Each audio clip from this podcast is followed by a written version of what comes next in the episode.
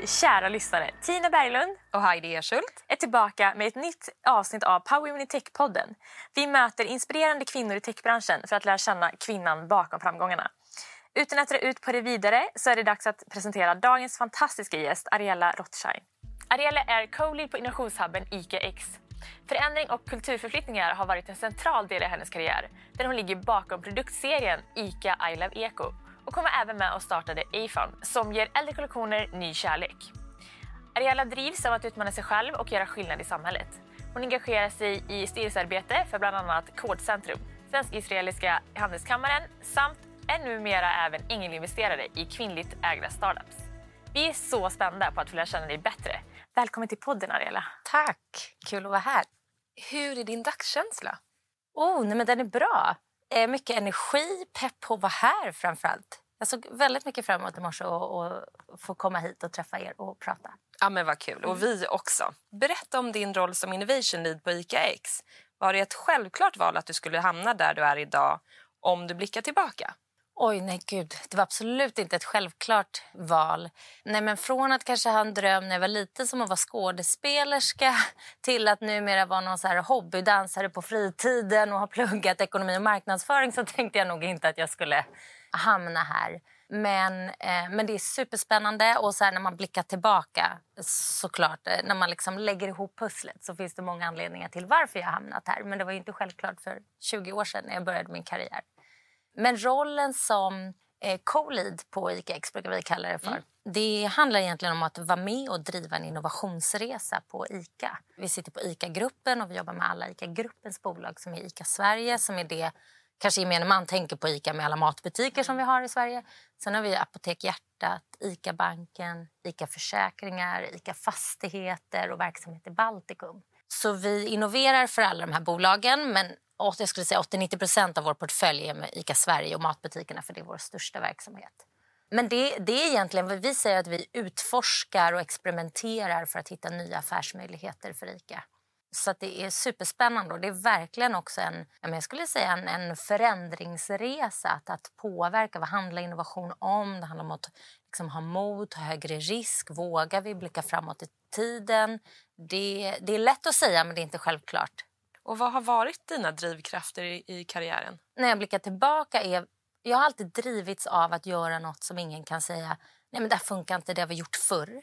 Så att, och det har nog lett till att jag har sökt mig eller hamnat på platser som är mer nya. Mm. Eh, samtidigt som jag gillar att ha ett ramverk, men om man tänker ett vitt papper, det är pappret, det är ramen, men sen är pappret helt tomt. Och där någonstans tror jag att jag är och det är nog det som har drivit mig. Och mycket att jag har sökt efter att skapa någon form av meningsfullhet också i det jag gör. Och för mig har meningsfullhet nog varit mer än att bara bygga upp nåt. Alltså det kan ju i vara, vara en meningsfullhet att, att bygga ett företag eller att se att omsättningen ökar. Eller så. Men meningsfullhet i den bemärkelsen att, att det också påverkar den värld vi lever i. Om det är miljö eller, eller människor eller någonting sånt. Och det har nog eh, varit en röd tråd genom min karriär. Mm. På vilket sätt tycker du att du gör skillnad i din roll på ICA idag? Ja, men nu så har jag drivit ganska många innovationsprojekt som har med impact att göra. Och impact både då affär och impact när det gäller miljö. Dels har vi jobbat med ett bolag, ehm, ett startupbolag där vi, där vi har utvecklat en, en eh, tjänst som är att minska matsvinnet för våra butiker. Och det, den tjänsten ger egentligen realtidsrekommendationer till butiksmedarbetarna baserat på massa data hur de ska agera i stunden för att minska svinnet. Och när vi har piloterat det här så har butikerna minskat med 40 procent. Ja, det är wow. super, super att, och det är ju fantastiskt, både för miljön och för affären. Så det är bara win-win. Och det är såna typer av, av projekt eh, som jag går igång på. Och så förhoppningsvis har vi en spännande framtid där vi kommer göra ännu mer av, av de här sakerna. Jag är så imponerad av ICA, alltså hur många olika typer av eh ja, men affärsområden som de faktiskt har. Det är precis som du säger, att många tänker på mat direkt. Finns det något mer exempel på, som du säger, alltså man tänker ju fysiska varor, liksom så mat och liknande. Men på vilket sätt är ni techiga? idag, allt vi gör har ju någon form av tech i grunden. Liksom även alla våra stora Eh, system som ligger till grund för våra kassor och allting sånt. Så att allt baseras ju på olika liksom, techlösningar. Både inom liksom, marknadsavdelningen och hela kundresan och e-handeln och allt som kretsar kring det är ju liksom bara som ett stort techbolag. Och sen då hela affärsutveckling och vi som innovationshubb. Vi, när vi utvecklar saker så är det ju med vad ska man säga, tekniken i fokus också. Hur tar ni er an AI? Ja, men vi eh, tittar mycket på det eh, och håller på att utforskar. Vad innebär det för oss och vad är det kanske för tjänster vi kan bygga på det och hur kan vi använda det? Till exempel den här, eh, ja, det finns ju olika generationer av AI men, men den här svinnlösningen är ju en AI-baserad lösning. men det är ju lite mer kanske det gamla AI än, än den som vi ser idag med generativ AI och det känns ju som att det är ett ganska stort skifte som har skett just nu i, så här, i butiker generellt. Så här, du betalar, du skannar själv. Kommer vi, liksom, kommer vi ha kassapersonal här? Eller kommer robotarna eller liksom, kommer du bli själv den som, som kommer betala? Jag tror inte vi kommer ha kassapersonal framöver. Däremot kommer vi ha kundvärdar så jag tror att man kommer förflytta, och det ser vi ju redan och det har ju varit med de här självutcheckningskassorna. Det, det har ju redan varit för att effektivisera också för att få bort monotona arbetsuppgifter. Mm.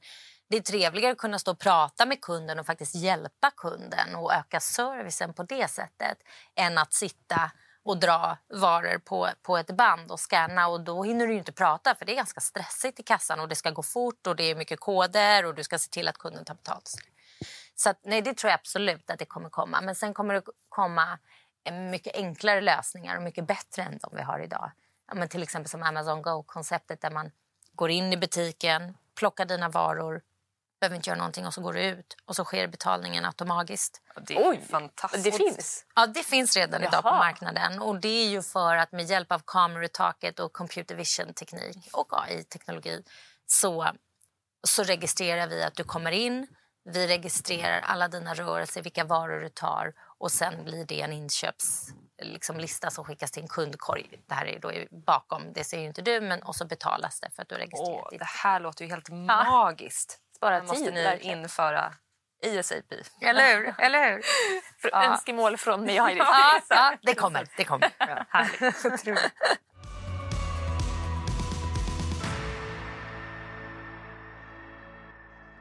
Mm. Du har ju tidigare berättat för oss att, men, att du, dina jobb inte alltid har varit så uträknande. Att du har haft liksom, en, en plan för din karriär. Mm. Utan att du kanske mer har gått på magkänsla. Mm. Hur har du lärt dig att lyssna på den och följa den? Jag tror för magkänsla är ju inte något strategiskt uträknande.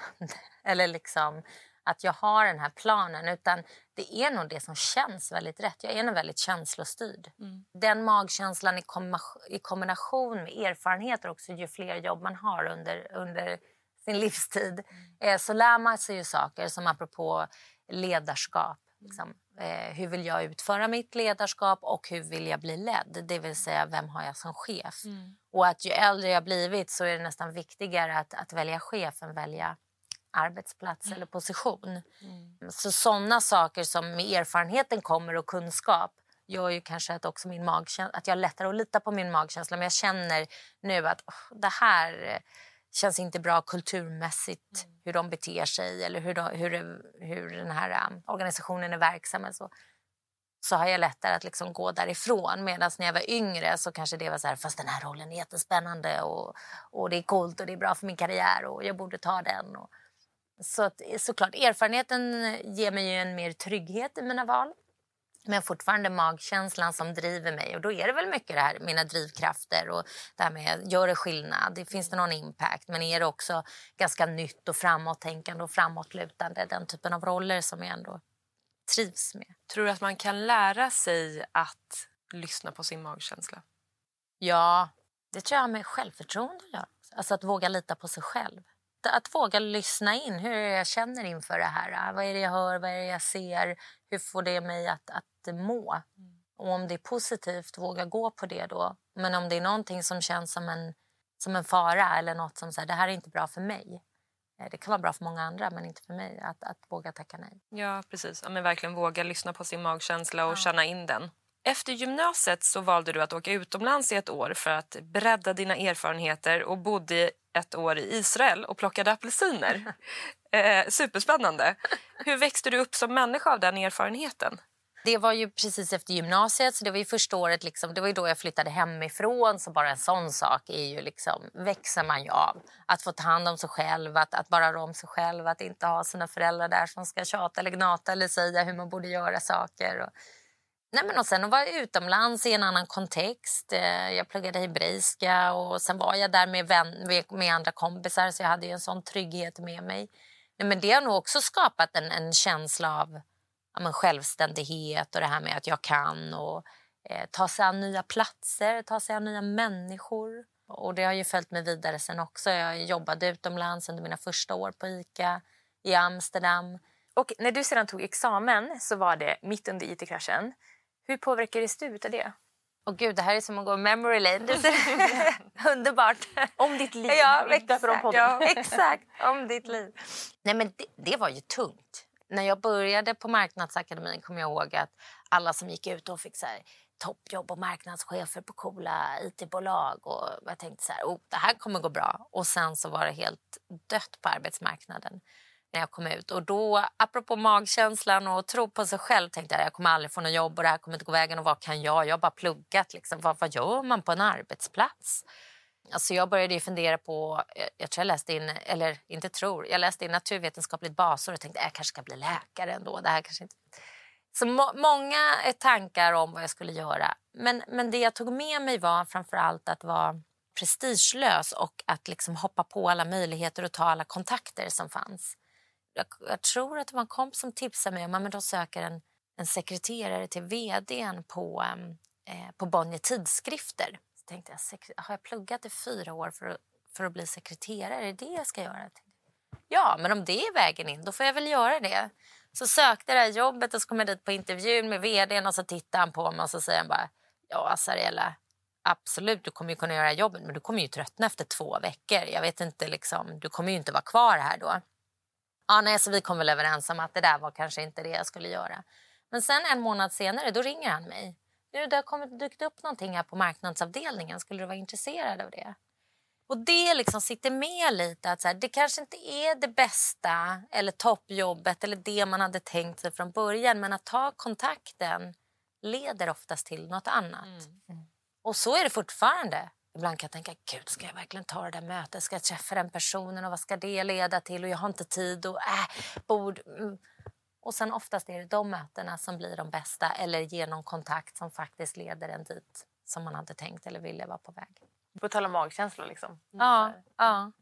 Och prestigelöshet på något sätt. Att ja, inte liksom... Återigen, det är de här tankarna. Liksom. Vi har såna föreställningar om hur saker ska vara och vad man ska vara och vad det ska bli. Men att, att gå lite utanför det då. Och sen jag gillar ändå att du gör det. För Jag kan själv uppleva att så här, med åldern så blir man ju mer fyrkantig. Mm. Alltså att det känns så här, man har liksom, man sätter lite grunder. Jag inspireras av att du ändå fortfarande har det drivet. Att så här, våga prova på nytt och mm. våga tänka annorlunda. Och... Men det blir svårare ju äldre man ja, men Man måste tvinga sig lite. Ja, det är ja. så. Man får put yourself out there ja, hela tiden. Verkligen.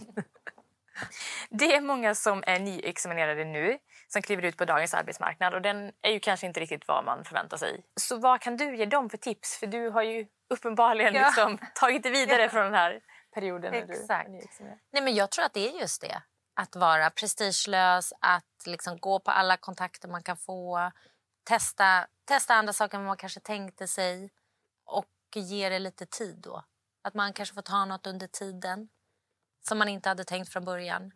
Men framförallt ja, prestigelösheten och att varje kontakt kan leda till något. Mm. Du nämnde ju att du eh, ja, men alltid ser allting som en möjlighet och tar på dig uppdrag och presenterar dem. Hur har den inställningen bidragit till din karriär och din utveckling? Ja, men det är väl någonstans det som har, har lett dit jag är idag. Men det är just att jag har hoppat på nya, alltså nya typer av saker som startar upp. Och det är nog för det här med liksom nyfikenheten eller liksom vilja testa något eller se något som jag tror på. Det här borde vi göra. Och då följa magkänslan. Eh, som när jag var i Amsterdam och jobbade så, så, såg jag hur Albert Heijn som är ICAs motsvarighet i Holland. Hur de jobbade med eh, eh deras egna varumärken. De hade liksom byggt upp en, en eh, varumärkesavdelning kring det medan vi på ICA på den tiden jobbade rent utifrån ett inköpsperspektiv.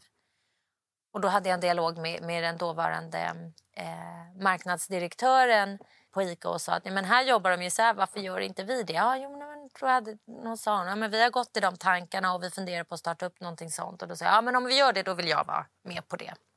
Så spännande, för ja. idag har ni så mycket egna ja. produkter. Ja. Och som är superbra. Och för alla, tänker jag. Att det finns både liksom, eh, budget, där det kostar lite mindre och sen så finns det lite... De här lite mer selection ja, som exakt. du gillar. Ja, lite mer premium ja. Exakt. Nej men precis, det finns hela, hela rangen. Nej, men och då ledde det till en möjlighet och då hoppade jag på den. Och Det var där som liksom också jag lanserade Ica Ila Vecco som var då det ekologiska produktsortimentet. Och det var så jag kom in på kanske lite mer också den här impact-delen. För det, jag märkte då att jag brann verkligen för det. Det var liksom, just då kände jag att det var mitt life's mission att, att lansera det.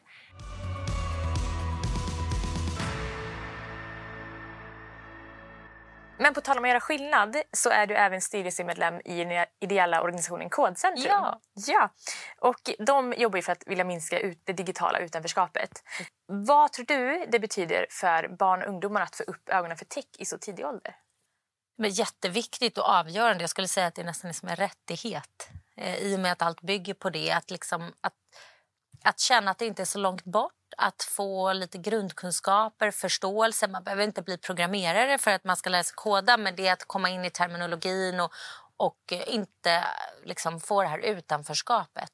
Och vissa skolor är ju bra numera att plocka upp det men det är många som fortfarande inte har det som, och liksom lär ut. Så det här är då en möjlighet. Kodcentrum jobbar med är en möjlighet att faktiskt skapa de här kodstugorna som vi kallar det för mm. och nå ut till, till unga för att hjälpa dem och introducera dem till, till den här världen.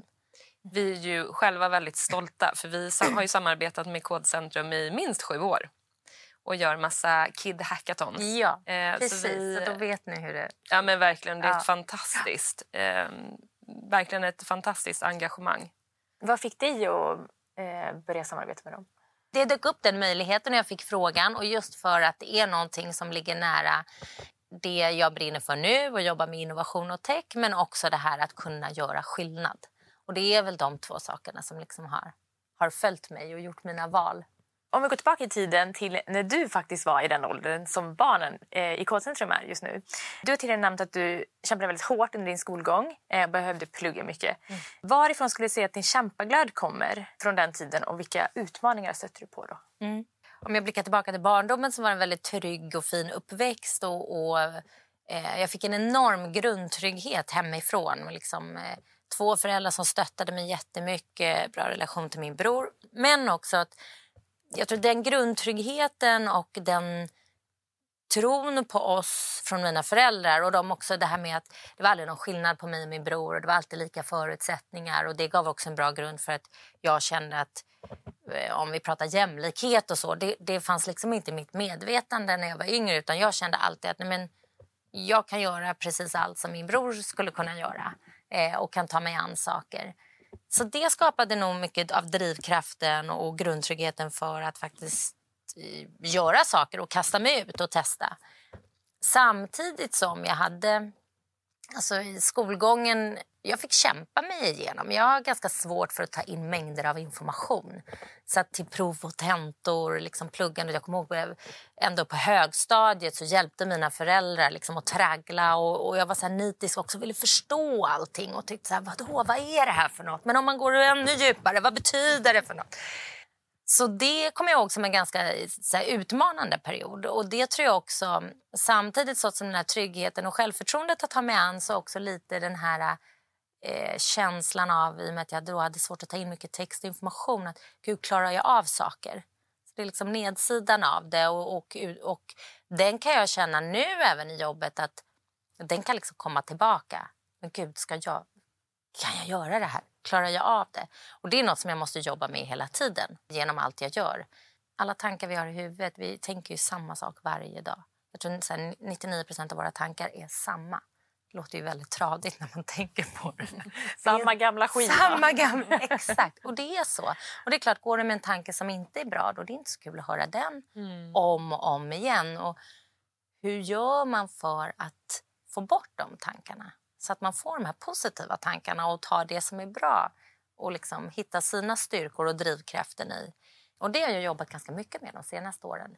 Eh, och hittat verktyg för det. För att eh, blockera de där, den där onda demonen onda, som sitter... onda tankarna. Precis, precis. Hur, hur gör du det?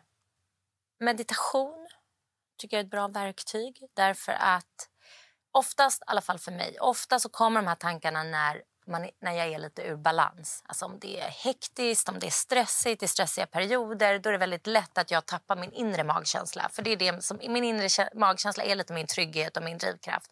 Och när jag tappar den då, då blir det lite gungigt. Och då gäller det på, någon, på något sätt att liksom hitta tillbaka, varva ner, liksom hitta ett fokus. Och meditation eh, är en sån del eh, som jag försöker jobba med. Det går väl mer eller mindre bra i vågor.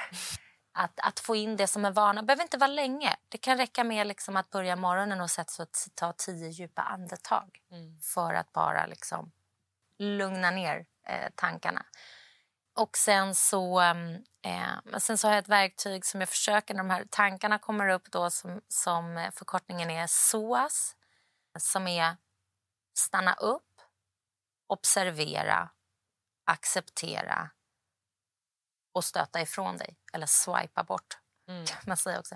Men liksom stanna upp om du får en tanke som kanske inte är den bästa tanken eller som du känner har något obehag kring. Stanna upp då i den. Observera vad det är för tanke. Acceptera, okej den finns där. Jag kan inte göra något. Jag, menar, jag kan inte hindra min hjärna att tänka de här tankarna. Men jag kan liksom eh, acceptera att den finns där och sen välja att faktiskt försöka skjuta ifrån mig den. Eller swipa bort den. Hela den övningen är också att lite stanna upp och så här, bra jag gör ett aktivt val. Jag hör, här är en tanke. Alla tankar är inte liksom mitt jag, utan det är något som tänker. Jag väljer att pausa, lägga bort den eh, och försöka då liksom fokusera på andra saker. Men det tycker jag är fascinerande. Just för att så här, jag brukar ofta tänka liknande. Men just att så här, känslor kommer från tankar och tankar kommer från beteendemönster. Om man då kommer med negativa tankar då behöver inte det som du säger vara en sanning utan det kan vara för att man hela tiden har gjort på ett visst sätt. Eh, så det ligger ju en styrka i att bara så här, kunna observera och vara i det som du säger och sen bara släppa det. Ja, jag tror att det är bra att också ibland känna in dem. Alltså att faktiskt acceptera att så här, nu kommer en tanke som är lite obekväm och lite jobbig. Varför kommer den? Mm. Och är det någonting jag, jag behöver hantera här och nu eller kan jag liksom lägga den lite åt sidan? Wisdom. Verkligen. Men du pratade innan om din familj att de har gett dig en väldigt trygg uppväxt och de har behandlat dig och din bror jämlikt och det har stärkt dig. Eh, hur skulle du säga att de har inspirerat dig på vägen och format dig i övrigt? Ja, men ganska mycket. Eh, jag skulle säga att min mamma är som en, eh, en förebild. Nog mycket för allt hon har tagit sig an. Alltså på, när vi var yngre, jobbat och gjort en, en jättefin karriär. Men också varit den som har tagit hand väldigt mycket om, om, eh, om oss när vi var barn och hemmet och så. Så det har inspirerat mig mycket och som jag tar med mig. Sen kanske inte jag eh, vill göra allt det. för Det låter, också- Hon låter väldigt ambitiös. Ja, det, lå- det är lite övermäktigt. Eh, men, men att ta delarna och ändå eh, se vad man kan åstadkomma. Eh, Min pappa som, som är, då, eh, är läkare och jag tror kanske mycket av där kommer det här med att vilja göra någon skillnad. Jag har alltid fascinerats av, av läkaryrket generellt som ändå varje dag liksom någonstans räddar liv i olika dimensioner.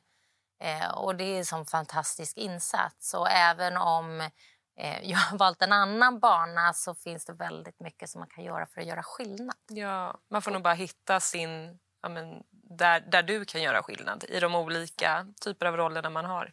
Precis. Så det är väl liksom de, ja, de två elementen som jag tror att jag har med mig mycket i det jag gör. Ehm, men och sen för att ta tillbaka det till ICA så har jag också alltid ställt mig frågan så här, det här med stort bolag. Alltså stundvis så kan jag ju vara, bli så här, "Uff, det är så stort och det går så det är långsamma processer och det tar tid och den delen. Men å andra sidan när man då gör saker så får det en stor effekt. Så att kunna göra en skillnad på ett bra sätt i ett stort bolag, vilken effekt det kan få. Och Det tycker jag är fascinerande och, och häftigt.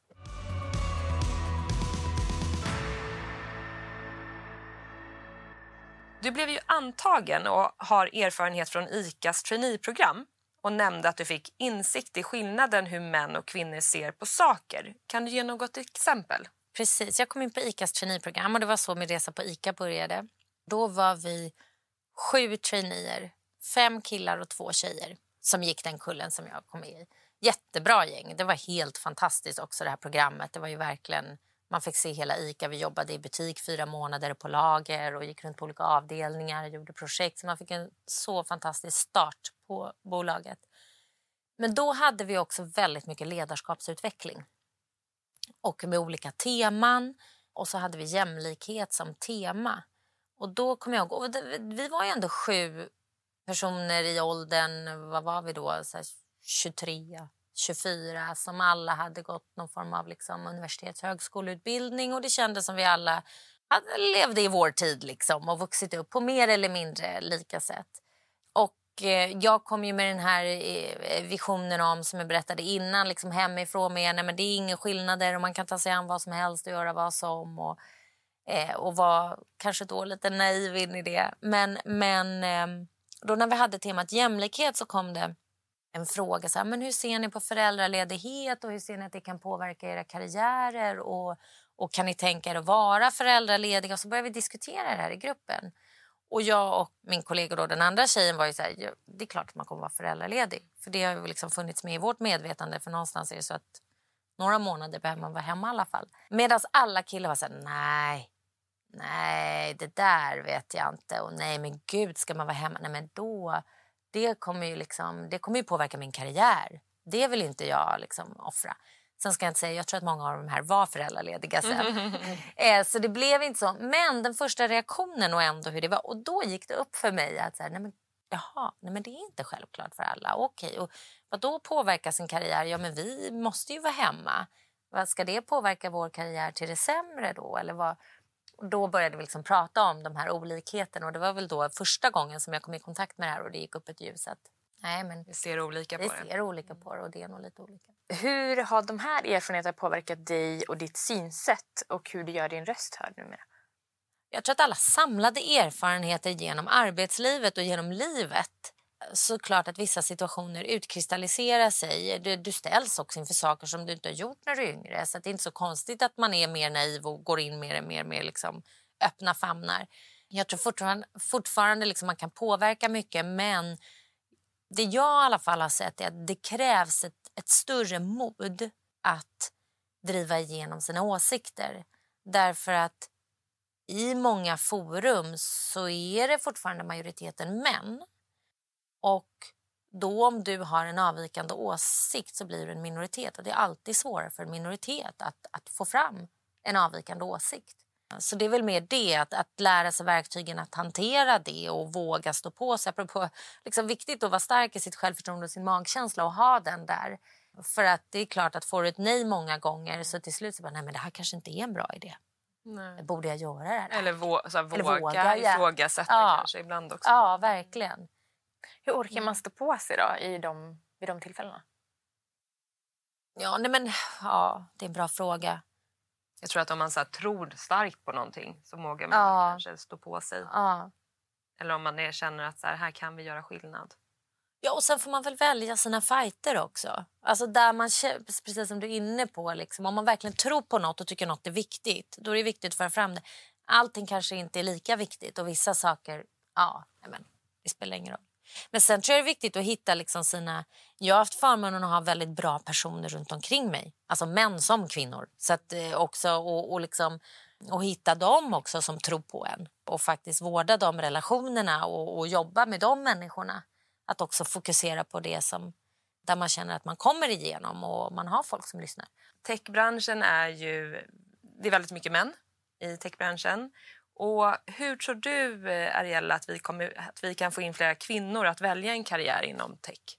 Jag tror att det handlar mycket om förebilder och att förebilder så att andra kvinnor ser att det är många kvinnor. då är det lättare att relatera. Precis som förebilder handlar om. Att man kan se att ja, men det är någon som är lik mig själv som är där, så varför skulle inte jag kunna? Så det är en väldigt stark faktor. Sen tror jag, som i allt annat också, alltså språket, hur man pratar om det. Alltså jag upplever nämligen när, när vi jobbar, så kan man säga, ja, jag jobbar inom techbranschen men vi pratar väldigt mycket innovation och nya affärsmöjligheter. Vad ska det här användas till? Och sen ser vilken teknologi behöver vi för att göra det här. Det är mer som ett medel för att nå målet. Och jag tror Pratar man så så blir det mer inkluderande också. Man behöver liksom inte prata ner på koden för att man ska jobba med de här bitarna utan det finns så mycket annat runt omkring. Eh, och Sen kan du ha folk som är jätteduktiga på att kodprogrammera mm. eh, för att det behövs för att träffa vissa lösningar. Men det är inte där man behöver börja. Det behöver inte vara ingångsvärdet. Och det tror jag, att förändra hur vi pratar om det här och vilket språk och terminologi vi använder och att göra det mer inkluderande. Då blir det andra personer också. Och kanske även, liksom, inte bara att det är män och kvinnor utan bara att man inte är van med den typen av setting eller arbetsuppgifter så tror jag att vi kan få fler överhuvudtaget att, att, att välja att liksom, branschen. Ja, att ja, välja precis. det. Exakt.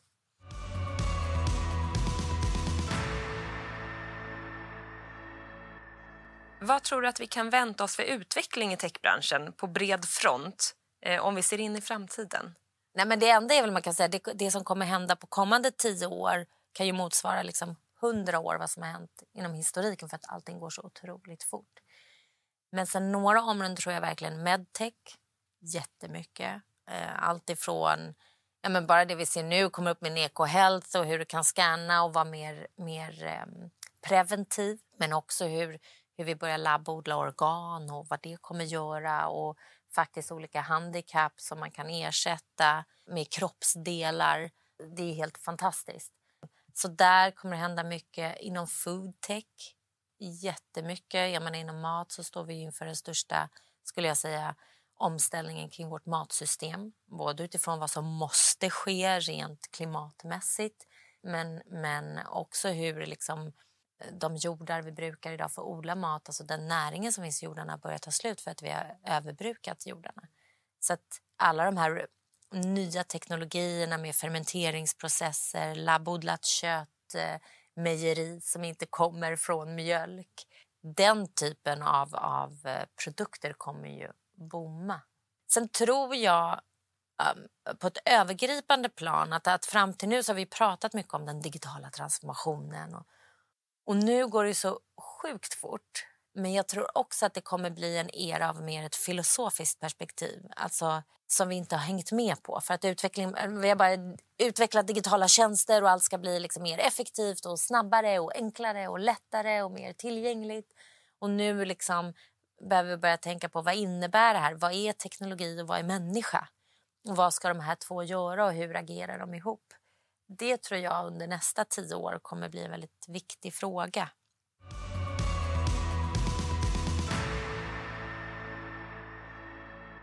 Vi börjar närma oss slutet faktiskt. Det går så otroligt fort. Verkligen. Eh, ja. Men, och nu ska det gå ännu snabbare för nu är vi på punkten fyra snabba frågor. Så första frågan är, vilken är den första appen du öppnar på morgonen? Oh, det är faktiskt eh, SR Play. Och det är för att jag har som, fått in som rutin att gå eh, och träna varje morgon. Och då direkt det jag gör, jag bara går upp, tar på mina träningskläder, i med lurarna, så sitter jag på och så lyssnar jag på eh, morgonekot.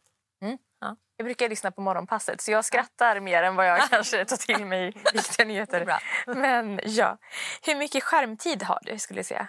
Tre och en halv timme senast jag kollade. Det var inte mycket. Nej, det, är stabilt. Jag har haft några här som har skämts. Ja. Vissa som har sagt jag är stolt över att jag har sju timmar. är mitt tänk, jobb. Nej, men jag tänker så här att det kanske inte är så intressant hur mycket tid, vad man använder det till. Mm. Alltså vad lägger jag tiden på? För det jag skäms över att jag tror att de där tre och en halv timme inte är så bra grejer. Sociala jag, medier. Ja, men jag har fått ja. någon sjuk så insta-hook så jag bara scrollar och scrollar och scrollar. Och scrollar. Bara, men det är väl ett sätt att och, eh, komma ner i varv och bara ibland ja, inte... få lite distans. Ja. Vilken app kan du inte vara utan skulle du säga? Får man ju säga Instagram då eller för att jag är så hooked. Men... Ehm Nej, men just nu vet du, så är det faktiskt Hemnet.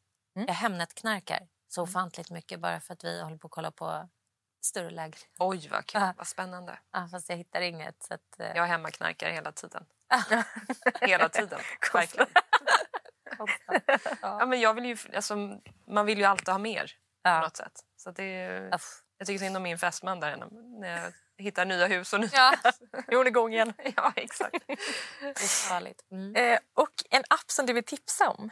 Det är nog Waking Up. Sam Harris. Det är en med-app. Han är en form av eh, neuroscientist och har skrivit böcker och eh, har gjort den här appen. Eh, så det är meditation men också eh, små korta intropass till varför det är så otroligt viktigt och hur det här ska bli en vana för att verkligen ställa om hela sitt operativsystem egentligen i hjärnan. Eh, ja, den vill jag tipsa om. Ja. Och nu ska du få nämna en powerkvinna i techbranschen som du inspireras av och vill hylla. Jag, jag skulle vilja säga ändå Anna Wikland, Mm och som också är en vän. Men det, därför jag vill hylla henne skulle jag säga är för att... Och nu blir det ju vad jag ser utifrån, för jag jobbar ju inte direkt med henne. Men att hon har ett väldigt autentiskt ledarskap. Alltså jag upplever då, som, som också känner henne lite vid sidan om, att eh, liksom det är samma person. Både innan hon fick det jobbet och efter och under. Och det är bra. Och det är starkt och det, det inspireras jag av. Det autentiska ledarskapet. Vi har ju haft förmånen att ha haft med henne här i Power Women in Tech. Vad kul. Vi var också väldigt eh, inspirerade av henne.